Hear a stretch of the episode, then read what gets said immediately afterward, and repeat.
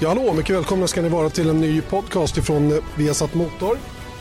Vi sitter faktiskt idag på plats i paddocken i Shanghai och eh, älg, det är allt annat än fint väder i alla fall. Ja, jag har ju min täckjacka på mig. Täckjacka utan ärmar, det, väst heter det. det, det heter Men så det det är inget sommarväder direkt, nej.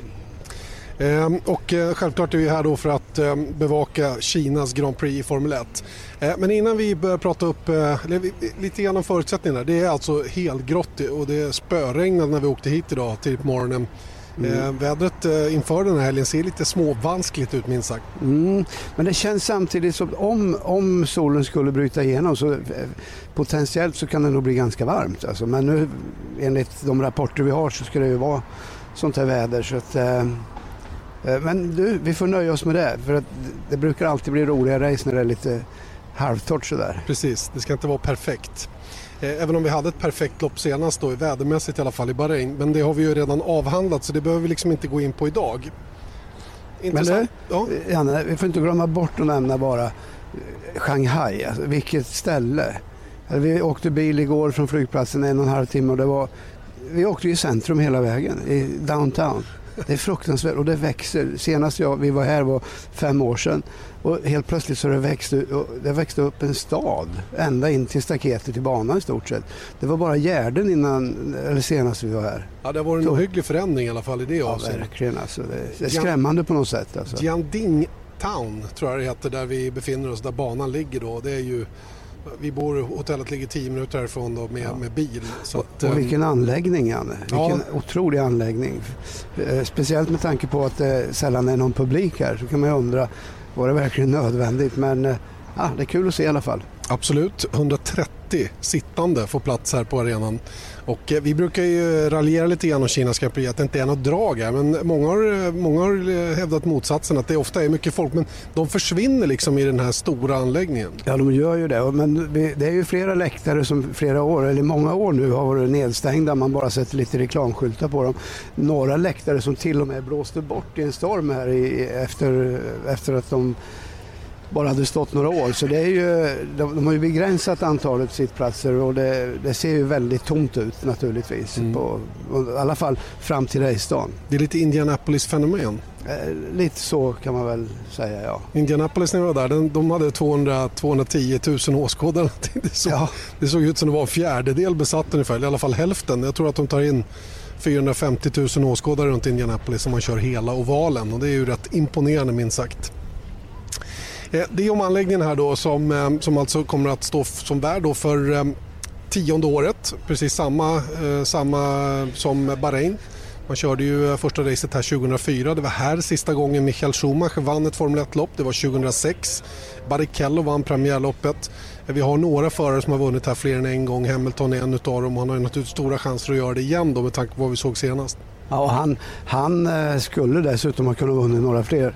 Eh, alltid varit riktigt snabb. Alonso har vunnit två race här också. Så att, eh, eh banan som sådan är kanske en av mina favoriter om jag ser till själva sträckningen. Och, jag brukar ju alltid skryta med, inför dig i alla fall, att jag kan den här banan. Jag körde ju ett race här. 2004? Ja, i en eh, Volvo, Volvo höll jag på att säga, nej, en Folkvagn Polo med racingfjädrar häftigt. Ser Och, äh, nej, men jag, så jag fick tillfälle att, att äh, se lite på banan äh, på, på, riktigt så att säga. Och det är en, sträckningen är imponerande och den har i praktiken allt. Inklusive den här långa raksträckan som dessutom nu eh, på, på, eh, dessutom så har ju banan numer blivit lite ojämn. Första året så var den ju jämn och slät och fin.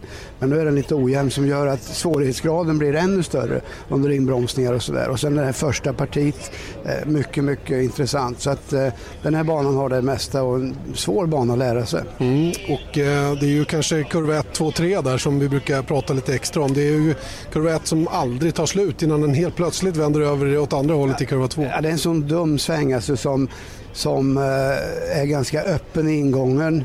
Eh, som, som, eh, som ser initialt mycket snabbare ut än vad den är. För sen nyper det åt hela tiden. Det blir bara tajtare och tajtare. Det blir alltså en snävare radie ju längre in i kurvan du kommer och det här innebär att hur snabb du än är i den där svängen så känns det som du är fem sekunder för långsam.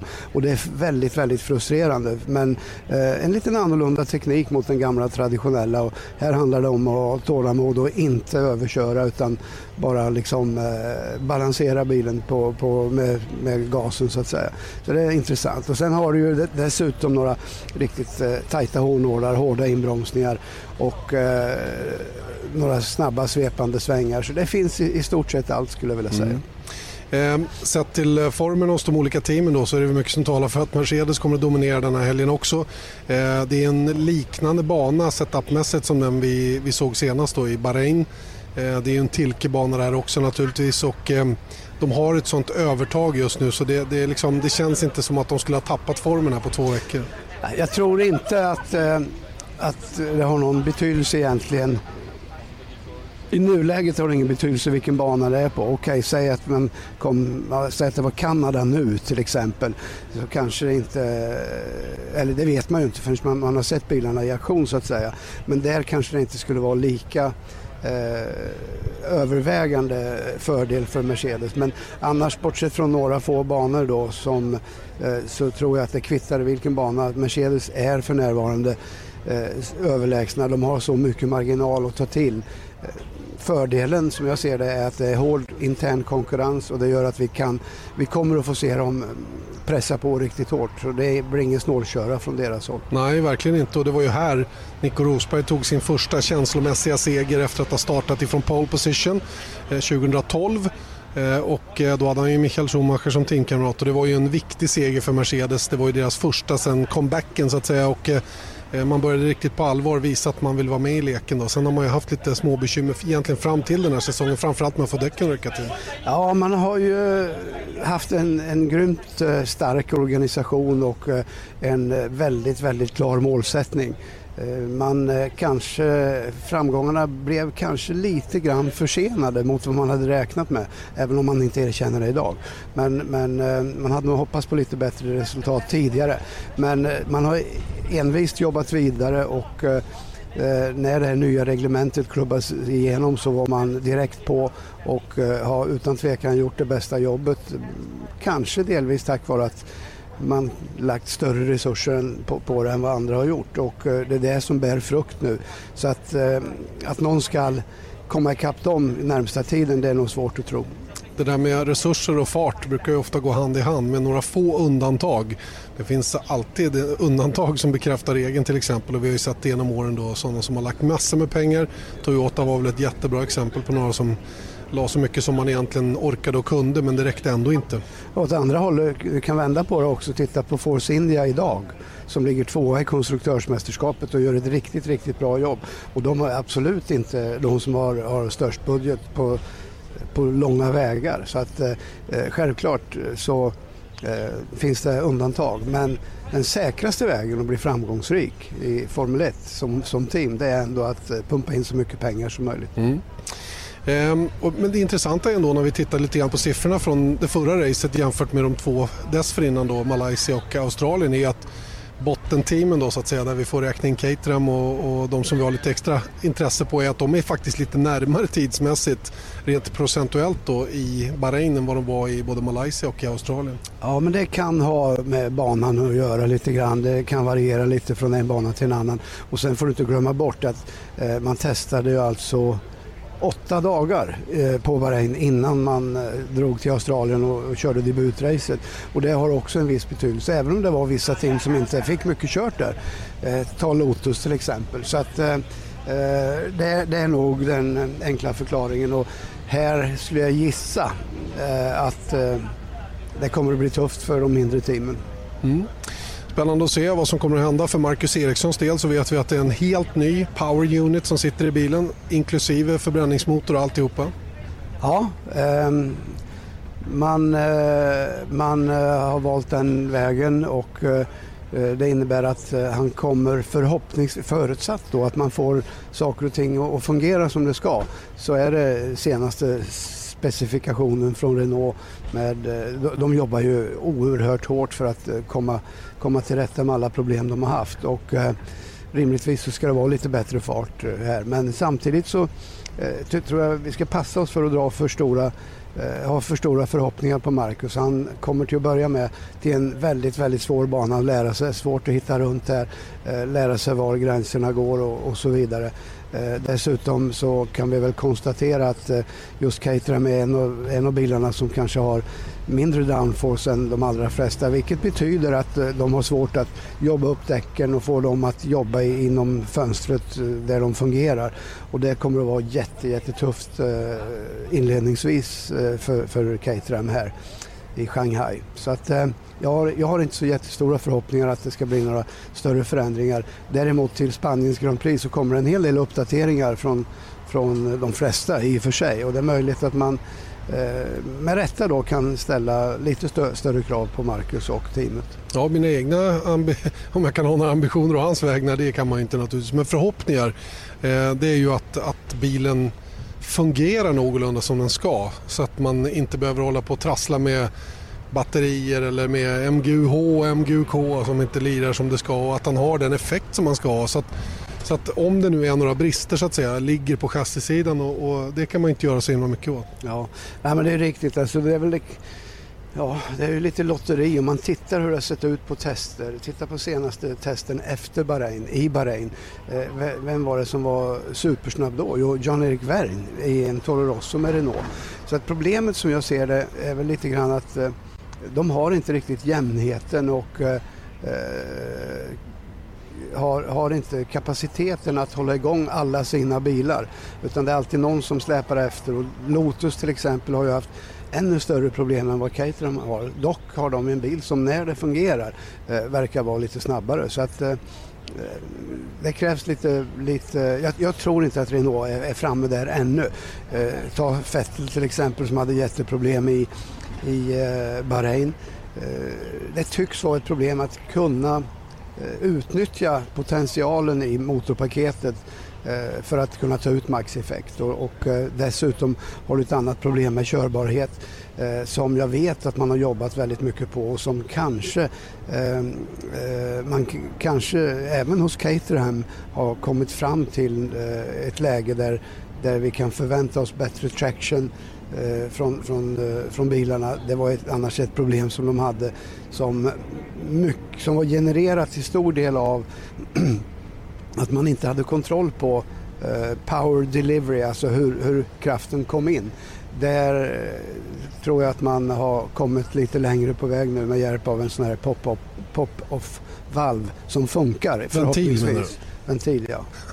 Jag gillar svenskan. Ja, Pop-up valv. Ja, en hoppa-upp-ventil. Nej, pop-off. Pop-off heter det. En hoppa-av-ventil. Ja, just det. Får det bli då. ja, så är det. Mycket fikonspråk i den här branschen. Eh, som sagt så är det en pop-off-ventil då som kanske kan hjälpa till saker och ting.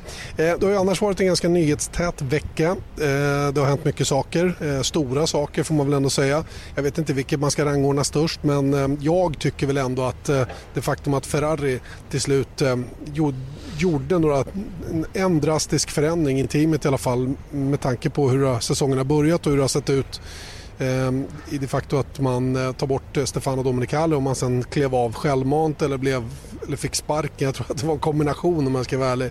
Så, så eh, måste man ju ändå se det som en ganska, eh, ganska drastisk eh, åtgärd från, eh, från eh, Ferrari-ledningen.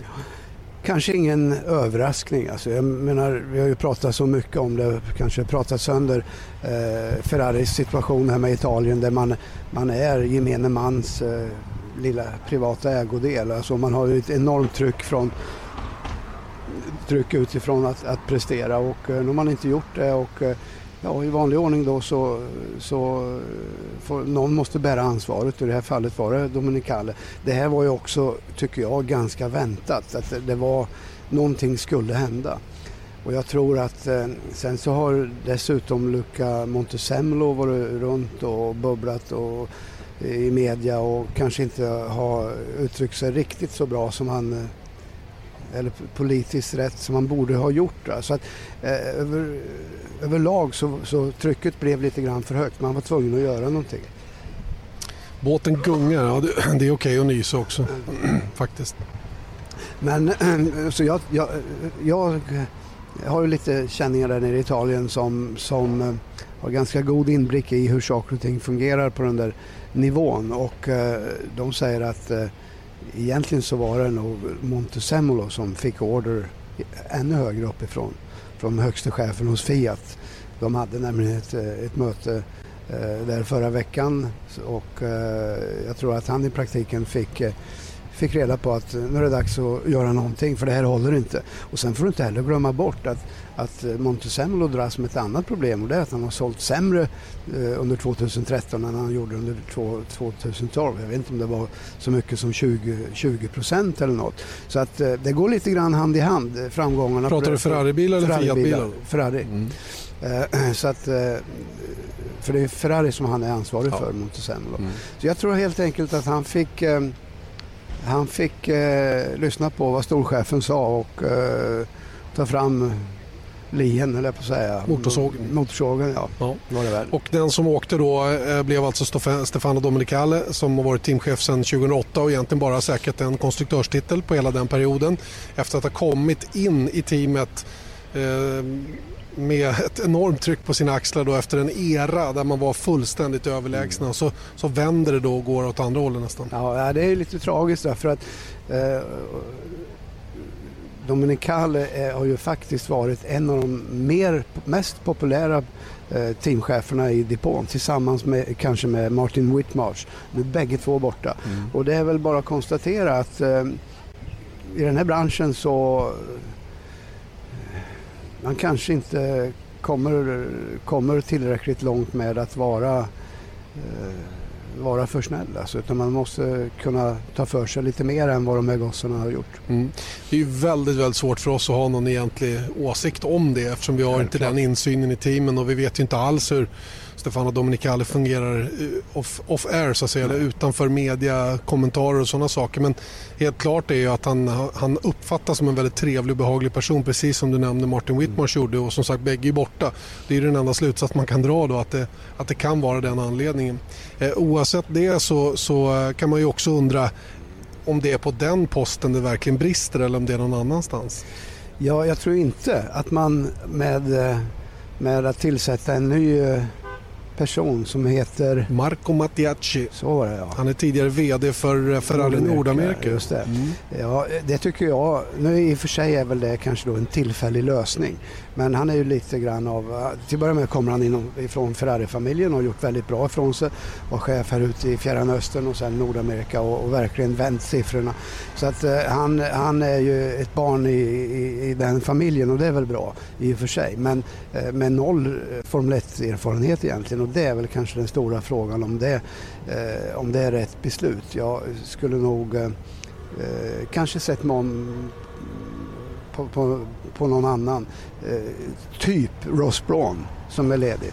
Eh, jag, jag, jag inbillar mig ändå att det är det. Men jag tror, jag tror nog personligen att eh, det här är bara ett eh, tillfälligt eh, tillfälligt jobb eh, och platsen kommer säkerligen att tillsättas av någon annan inom en snar framtid. Kan det inte vara bra ändå att Ferrari tar in någon som kommer med lite andra ögon då och ser på den här verksamheten med lite fräschare uppfattning? Alltså han har inga hang-ups på någonting utan han kan verkligen se då, varför funkar inte det här och varför gör ni på det här jo, viset? Och ja men det är klart, självklart är det så. Va? Men får inte glömma bort att, att eh, det här är ingen vanlig business alltså, utan eh, även om det handlar om, oavsett vilken business du är i, så handlar det om att vinna Eh, och, och, eh, men här är det så oerhört eh, tekniskt komplicerat och eh, eh, det är ändå en ganska liten familj som har den här spetskompetensen att ta fram eh, en bil som fungerar. För i slutändan så handlar det om det.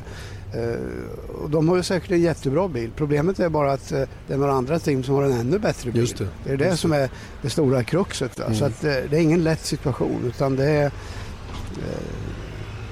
det är, eh, det är en svår situation att reda ut. Fast jag tänker lite tvärtom mot dig. Därför, jag menar, kunskapen i teamet finns ju. De har Pat Fry, de har James Allison med flera som, som besitter de kunskaperna som du efterfrågar här. Som hade varit lätta att att eh, promota okay. upp till den här positionen då.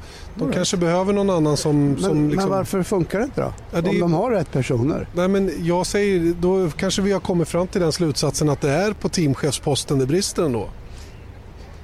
Ja, jag har kanske, då kanske jag uttryckt mig fel för att eh, det, det är nog kanske det jag menade med, med sättet, även om, jag, om det lät annorlunda så, så är det nog det jag menade. Eh, men samtidigt så tror jag ju att eh,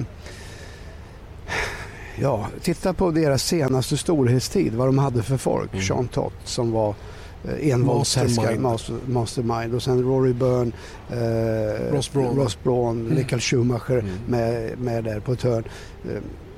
Det var en väldigt, väldigt stark grupp av människor och det kanske är så att den gruppen som är där nu eh, inte riktigt har samma, samma eh, styrka att driva igenom saker på, på det sätt som behövs för att få fram en konkurrenskraftig bil. Ja, för det är där bristen ligger, inte på förarsidan. Det kan vi snabbt nej, nej, konstatera. Nej, jag menar, det är ju, jag menar, de har ju en av de starkaste eh, kombinationerna av alla. Mm. Eh, hur som helst så har de alltså en ny teamchef i eh, i Ferrari från och med nu, redan den här helgen. Marco Mattiacci alltså, som eh, får ta över och axla rollen då. Han kommer naturligtvis bli hårt ansatt nu och vi kommer förhoppningsvis att få någon kommentar från honom under helgen också som åtminstone gör att vi får se hur han ser ut och hur han låter och vad han, vad han har för, eh, ja, åtminstone hur han uttrycker sig då. Det är ju svårt att få något annat grepp på det. Sen tror jag att årets säsong mer eller mindre redan är körd för Ferrari. Det verkar som om deras motor är alldeles för tung till att börja med och att man eh, kommer att jaga kilon för att förbättra det, det i det avseendet på andra sätt. Men det kommer ändå bli en för tuff uppgift för dem att lösa. Ja, men det, du, tycker du sammanfattar det ganska bra där. Eh, tydligen så är det motorn som, som är lite för tung. Men om man tittar på, på Ferrari så är det väl inte så konstigt. Jag menar, man har ju alltid hängt kvar vid stora motorer, V12 och V8 och vad det nu har varit. Så att, eh, jag vet inte om deras eh, deras kunskap är tillräckligt stor för att eh, konkurrera med, med Mercedes i det fallet. Nej. Eh, och framförallt så tror jag de också tänkte väldigt mycket på tillförlitligheten, kanske mer än på att jaga vikt på, på eh, kraftenheten om vi får göra det till svenska. Ja, men det är alltid enkelt med facit i hand att eh, göra bedömningar. Och eh, det är ju det, just det vi gör nu. Och det är bara att konstatera att de har en motorlösning som inte är konkurrenskraftig för närvarande. Och eh, ja, ska de vara med till nästa år så gäller det nog att eh, redan nu börja planera rent eh, personalmässigt och resursmässigt. För, igen. Igen, ja. Tragiskt. A lot can happen in the next three years. Like a chatbot may be your new best friend. But what won't change? Needing health insurance. United Healthcare Tri Term Medical Plans are available for these changing times.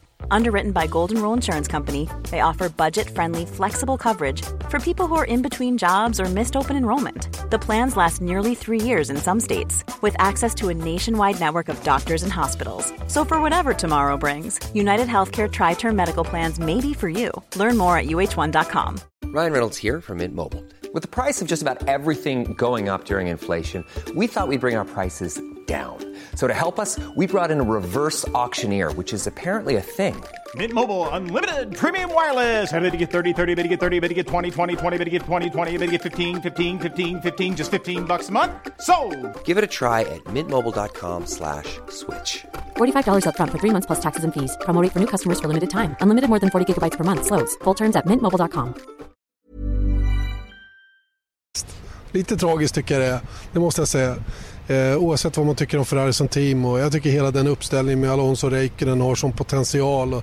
Det är så synd att de inte kunde Tänk om vi hade haft en fyrbilsfight där. Vi kunde haft sex ja. bilar som hade varit med och fightats om det längst fram ja, med Red Bull Överhuvudtaget, Ferrari ska vara med där uppe. Jag menar, det finns så mycket tradition och det finns så mycket styrka i namnet Ferrari. Jag, jag menar, det, det, de, jag kan inte säga att de är Formel 1 alltså, men de har varit med länge och längst eh, kanske av alla. Mm. Eh, så det är klart att det är mycket roligare när de är med och slåss där. Och sen, det är inte bara, utan det är passionen. Passionen som, som Ferrari innebär med, med eh, ja, med allt egentligen. Mm. Så att, eh, Se så mycket fans de har runt om hela världen. Det finns ju inget annat team nej. som alltid har massa röda flaggor oavsett vad man är för nationalitet på folk. Ja visst är det så. Så att, eh, ja, det är lite synd. Det, det, dragit ut på tiden lite grann. Eh, man har ju i flera år nu sagt att nu vet man vad problemet är. Vi måste ha en bättre bil att börja säsongen med. Men det blir ju inte så i alla fall. tyvärr. tyvärr inte och inte i år heller. Nåväl, vi får se vad som kommer att hända framöver. Marco Mattiacci tar över alltså tidigare VD för Ferrari Nordamerika. Han blir alltså ny chef nu då, teamchef för Formel 1-teamet. Sen om det är en tillfällig lösning eller en permanent sådan över tid återstår ju att se. Det som Luca di Montezemolo i alla fall har, har också sagt nu det är att han själv kommer att ta en större roll i Formel 1-teamet nu då, vad det nu kommer att betyda. Han har säkert blivit tillsagd att han måste göra det, men hur mycket bättre blir det för att han är med då? Ja, det är den stora frågan. Det vet tusan. Alltså, jag tycker att han har han är säkert väldigt bra på, på mycket, ja, men eh, just när det gäller den biten att eh, driva Formel 1-teamet framåt, då tror jag det finns bättre personer än han. Mm. Det om detta. Den andra stora nyheten den här veckan då, var givetvis då att den här FIA-tribunalen sammanträdde den 14 april och eh, då hörde den här oberoende tribunalen alla inblandade parter i fallet Daniel Ricciardo och diskningen han råkade ut för i samband med Australiens Grand Prix efter att ha överskridit den nivå för bränsleflödet som ligger på 100 kilo per timme. Där eh, FIA-utrustningen då noterade att man eh, konsekvent under loppet periodvis då låg över den här nivån, alltså när när man låg och, och maxade så att säga då, så låg man och toppade över och, och det, det, tyckte inte Fia var acceptabelt och han blev också diskad i efterhand. Eh, Red Bull å sin sida har ju hävdat att man eh, inte vågade lita på den här utrustningen. Man hade ju kört samma setting på bilen under fredagen med eh, olika sensorer och upptäckt att den gav olika resultat. Och då blev man naturligtvis orolig över att förlora prestanda och till slut så tog man beslutet i teamet att inte bry sig om FIA-utrustning utan köra med sina egna mätningar och då slutade det med att man överskred enligt vad man juridiskt sett måste mäta flödet med, det vill säga den sensor som Fia tillhandahåller. Och det här är ju ett jätteproblem naturligtvis. Jag tycker caset är ganska enkelt om jag ska vara riktigt ärlig rent juridiskt. Vem, om, om Ricciardo ska diskas eller inte. Problemet är ju inte ifall man bröt mot reglerna eller inte. Problemet är ju att det inte finns utrustning som teamen vågar lita på. Ja, det är det. Eh, men eh, naturligtvis. Men det betyder ju inte att, eh, att man kan strunta i de nej, nej. regler som alla måste följa. Juridiken att, är glasklar för mig, tycker jag. För mig så, jag, jag, ska villigt erkänna att jag inte intresserar mig så mycket för just den tekniska biten eh, i det här. Även visserligen har jag lyssnat, jag har varit på presskonferenser, jag har hört båda sidor och så vidare. Men jag vill inte ens eh, Eh, gå in i den diskussionen för där, där har varje sida, inklusive motståndarteamens sida, verkligen gått in och, och, eh, och, och, skapat sig eh, ett riktigt case som de sen har framfört. Och det är ingen idé för mig att gå in på några sådana där saker utan för mig är det helt enkelt en, en, en, den stora frågan är kan man ta reglerna eller regelboken i egna händer? Och göra som man vill bara för att man inte tycker att eh, Fia levererar rätt grejer? Nej, är svaret. Ja. Och nu vet vi att så var det också. Mm. Och det är bara att tänka sig, men det skulle bli rena vilda västern om alla, eh, alla tyckte sig kunna, kunna påvisa att sakerna inte mäter riktigt som de ska och sen gör man hur man vill. Men, så, att, så att det är många sådana, men samtidigt självklart så är det ju, är det ju för dåligt om, om de här sensorerna inte är tillförlitliga. Det är ju någonting som man måste se över och verkligen försäkra sig om.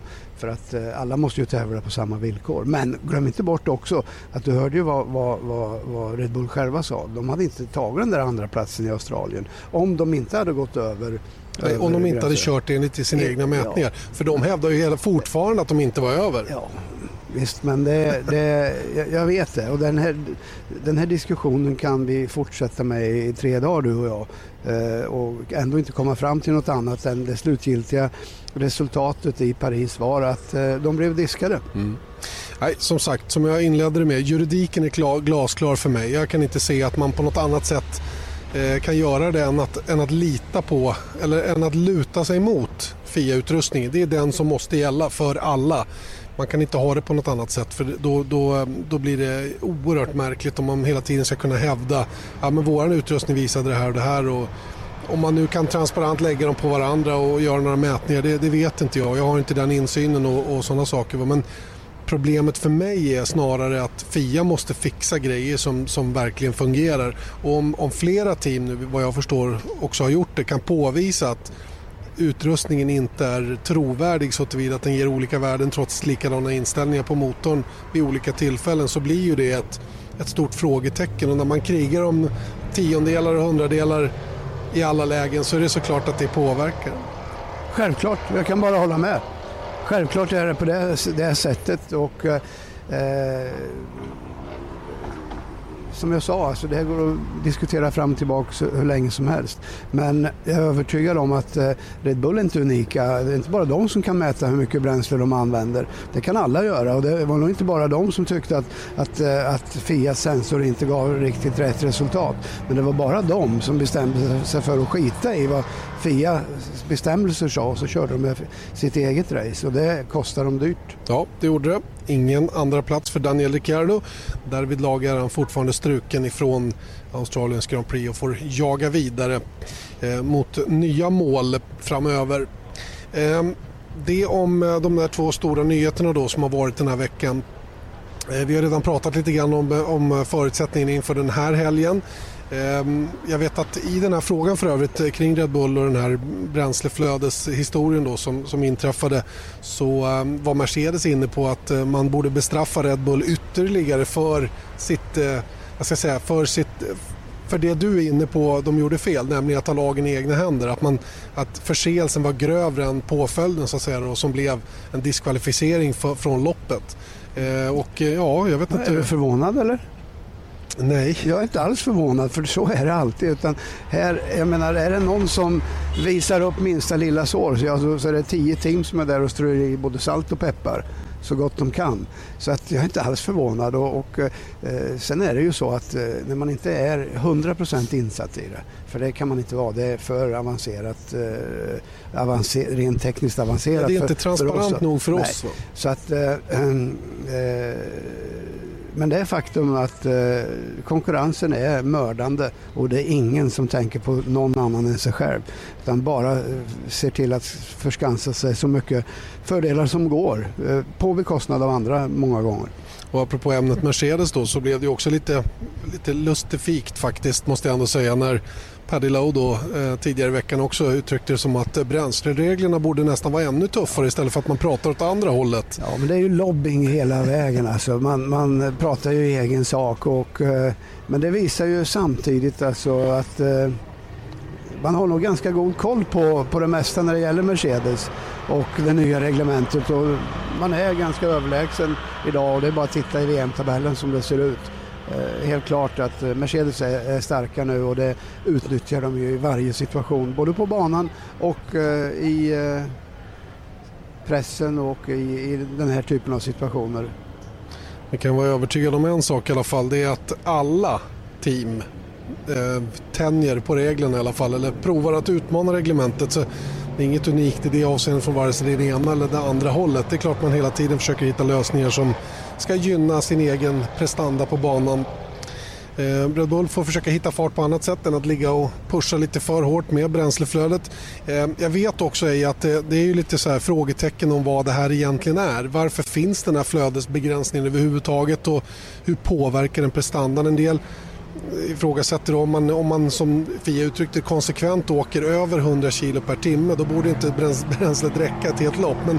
man, har, man får mer effekt helt enkelt. Ja. Mer hästkrafter och mer eh, snabbare bil över ett varv. Det är, konstigare än så är det inte. Man har valt den vägen istället för att använda ett begränsat eh, turbotryck som var det gamla traditionella.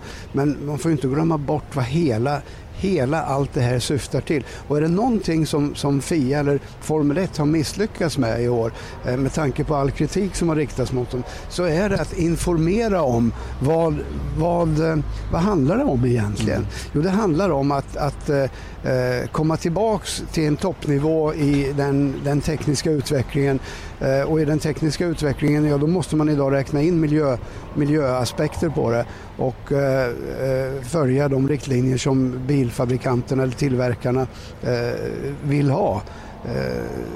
och det är ju ingen hemlighet att varken Mercedes eller Renault skulle säkert ha varit med som motorleverantörer idag om vi hade stannat kvar vid det gamla reglementet. Ja, och vad hade hänt då? då? Mm med Formel 1. Så jag hade inte sett Honda heller. Nej, just precis. Va? Så att, eh, vi pratar ju om egentligen en överlevnad för, för Formel 1 och eh, då måste man anpassa sig till eh, nytänkande och inte leva kvar i stenåldern. Det är det det handlar om.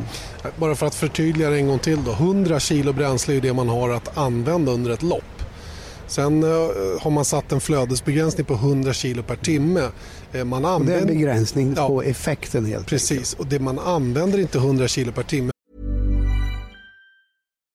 Do you love anime, gaming, movies, and discovering how your favorite pop culture affects everything you do? Then join us on Crunchyroll Presents The Anime Effect. I'm Nick Friedman. I'm Lee Alec Murray. And I'm Leah President. Every week, you can listen in while we break down the latest pop culture news and dish on what new releases we can't get enough of. Whether you love movies, I'm going to tell you all about the uh, hopeful 4K re release of Tron Legacy that happens. I'm right there with you. Or music. The music in this show yeah. is absolutely yeah. incredible. Or anime. Yeah, and under this sure. mask is another mask. you can discover your new favorites right here on The Anime Effect. Listen every Friday wherever you get your podcast and watch full video episodes on Crunchyroll or on the Crunchyroll YouTube channel. Spring, is that you? Warmer temps mean new Albert styles. Meet the new Superlight Collection, the lightest ever shoes from Allbirds, now in fresh colors. These must have travel shoes have a lighter than air feel and barely there fit that made them the most packable shoes ever. Plus, they're comfy right out of the box. That means more comfort and less baggage.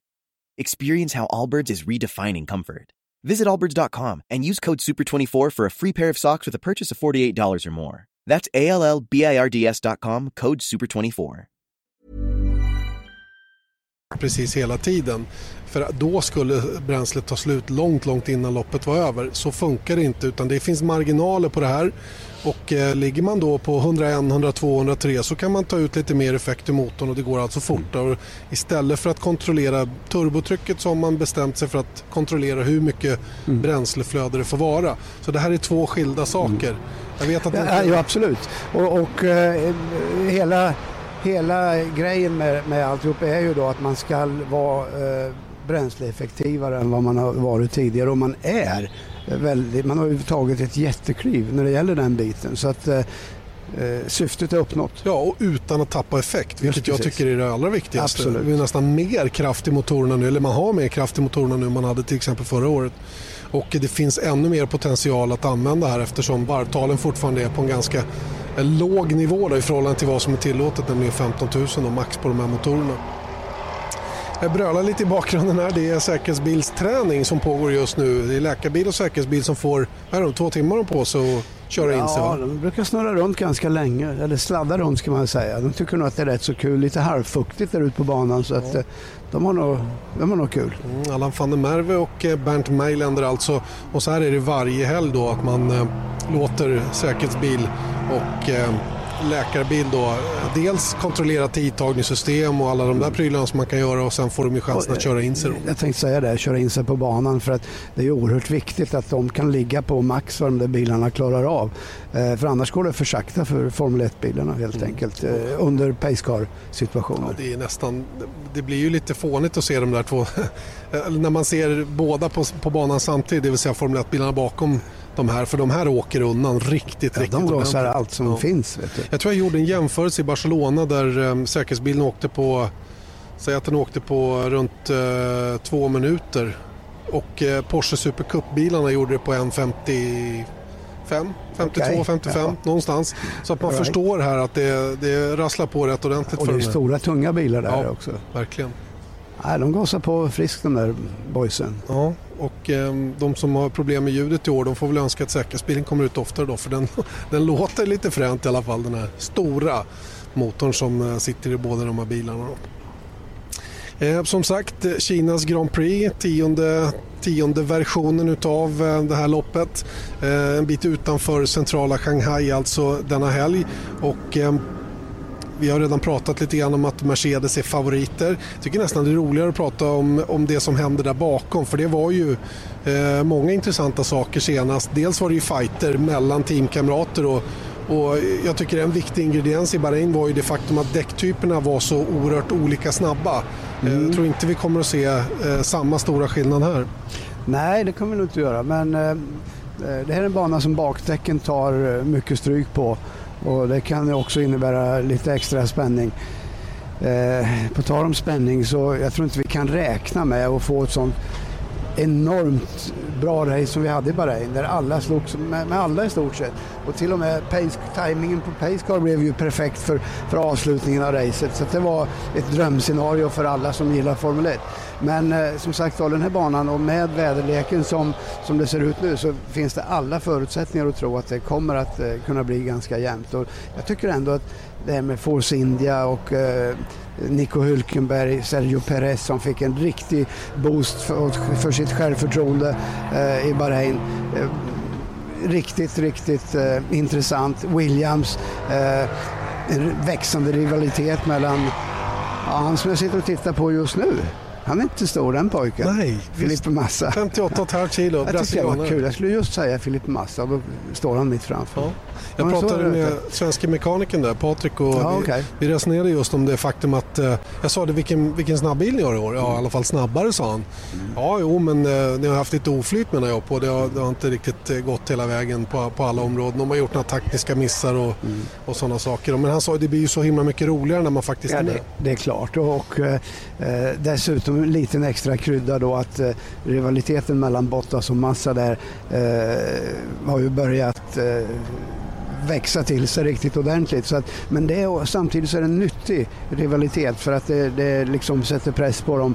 Och de, eh, ja, jag tycker ändå att Williams eh, nu har det inte gått riktigt så bra som de hade hoppats. Det har varit lite incidenter men de visar ändå att de, de är på rätt väg och de har en, en hyfsat bra bil som kan vara med och slåss om podiumplatser, det är jag övertygad om. Vi var rätt eniga Patrik och jag också om att eh, det är viktigt att Williams gör det nu medan de har det lilla övertaget. För han var ju rätt klar över att Williams som team kommer nog inte orka med i utvecklingskriget som kommer att pågå under andra halvan av säsongen eller från Barcelona framåt. Nej, det är ju naturligtvis eh, en fara. Va? Men eh, jag menar, vad gör man? Jag menar, har man en bra bas, ja då, då är man eh, långt kommen i alla fall. För då handlar det inte om att göra revolutionerande eh, utvecklingar utan då handlar det om att fintrimma saker och ting, anpassa det efter respektive förare. Så att jag tycker det finns all anledning att se positivt eh, från Williams håll och jag tycker att eh, de har tagit ett jätt, jättekliv och jag, eh, jag tror lite på dem. Mm.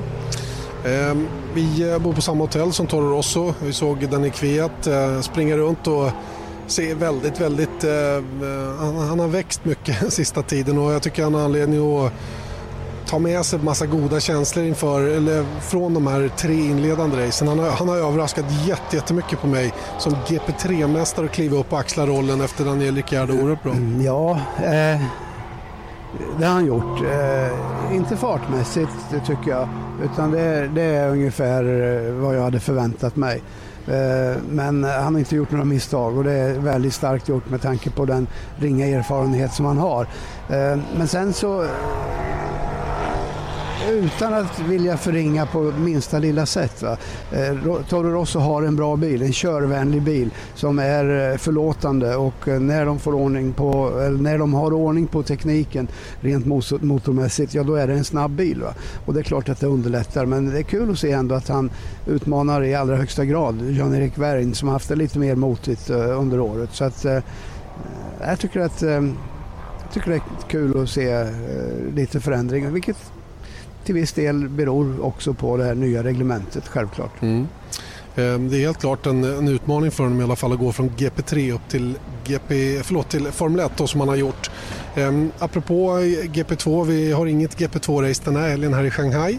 De får vänta till Barcelona med att eh, tävla nästa gång. Eh, lite magert faktiskt med supportracing här då. Det är kul att se GP2-killarna vara igång igen. Jag tycker deras inledning på säsongen senast i Bahrain lovar gott inför framtiden. Jag tycker dessutom att startfältet håller hygglig klass i år. Ja, det gör det. Och, eh, eh det var en rookie som vann första racet. Eh, och eh, det andra racet vann av veteranen Palmer. Van Dorn heter han som just det, första. Stoffel van Dorn. McLaren, ja, just det. Eh, gjorde ett bra jobb. ART har eh, hittat rätt igen. Eh, gått lite sämre några år för deras del men det är ju definitivt ett toppteam som van Dorn, Dorn kör i. Eh, I det andra eh, Palmers team, då, Damsteamet, får man väl räkna som det andra toppteamet. Två franska team alltså. Så att, eh, och sen fyller det på bakifrån med eh, en hel del eh, bra förare. Som vanligt tycker jag att vi kan förvänta oss eh, underhållande race i GP2 under det här året. Mm. Du, du tog och passade på under ledig helg och tittade lite på World Series också? Från Monza ja, ja det gjorde jag. Och, eh, det lämnar väl eh, kanske inte riktigt så positivt avtryck som jag hade väntat mig. Eh, sämre antal, eller mindre antal deltagare. Carlin till exempel har fått dragit sig ur om inte minst. Eh, I alla fall början på säsongen. Ja, åtminstone inledningsvis. Här. Och eh, där tycker jag kanske inte att kvaliteten var riktigt så bra som jag hade förväntat mig. Det var lite slarvig körning, inte lika disciplinerat som det är GP2 just nu faktiskt. Så att, eh, men, men eh, det var första racet och det kom, kommer säkerligen att förändra sig under året. Vi får väl se vad som kommer att hända framöver. Marcus Eriksson kommer ut och han, får, eh, han, han motvilligt släpar han sig hit till vår lilla podcastsändning. Jag ska inte prata, prata i flera timmar med dig Marcus, hur mår du? Jag mår bra, tack. Mm. Känns skönt att vara i Kina? Ja, skönt och skönt, men det är kul att det är race igen i alla fall. Ja, men det måste det väl ändå vara när du är Formel 1-förare. Vad, vad är känslan nu inför? Det ska bli skit, eh, väldigt kul heter det. Eh, kul att komma till en ny bana och vi har varit på trackwalk här idag och eh, det ser eh, väldigt eh, utmanande och rolig ut att köra faktiskt med mycket upp och ner och bankade kurvor, snabba partier också. Så jag tror att det är en bana som, som passar min körstil faktiskt. Mm, och ny motor har du fått? Och ny motor har vi också så den kommer väl eh, förhoppningsvis gå riktigt bra. Nu står Tom Webber och drar i så låter det gå nu så, så får vi inget inge själv för att du kommer hit och är med i vår podcast i alla fall. Eje som snabbt sprintar iväg och och eh, reder ut saker och ting. Det är mycket nu. Vad gör du för något? Nej, men jag får en massa tokiga frågor. Vet du. Mitt i podcastsändningen? Ja, så kan det gå när inte haspen är på. Det är mycket som står och, det är mycket som händer där när vi eh, spelar in vår podcast mitt i eh, paddocken här i Shanghai faktiskt. Jag tycker att det är läge att runda av det hela och påminna om att vårt magasin naturligtvis kommer som vanligt ikväll via sport.se och att vi kör igång 03.55 imorgon bitti. 03.55 då är det bara att kliva upp. Det slipper vi den här gången. Vi sover i och för sig inget på nätterna i alla fall. Sen var det inte frisändning också? Just det! Bra! Man får inte glömma bort Nej, det, det viktiga, Janne. Via Play är fritt den här helgen. Via ja. Frisänder alltså Formel 1-loppet här från Kina. Bra! Du vann några poäng, ytterligare ja, poäng där. Framförallt blev marknadsavdelningen ja, väldigt nöjda när du kom på det där. Så att, eh, det ska vi inte glömma bort heller. Via Play frisänder den här helgen alltså. Eh, och med detta säger vi tack och på återhörande härifrån Shanghai, Janne Blomqvist och Eje Elg.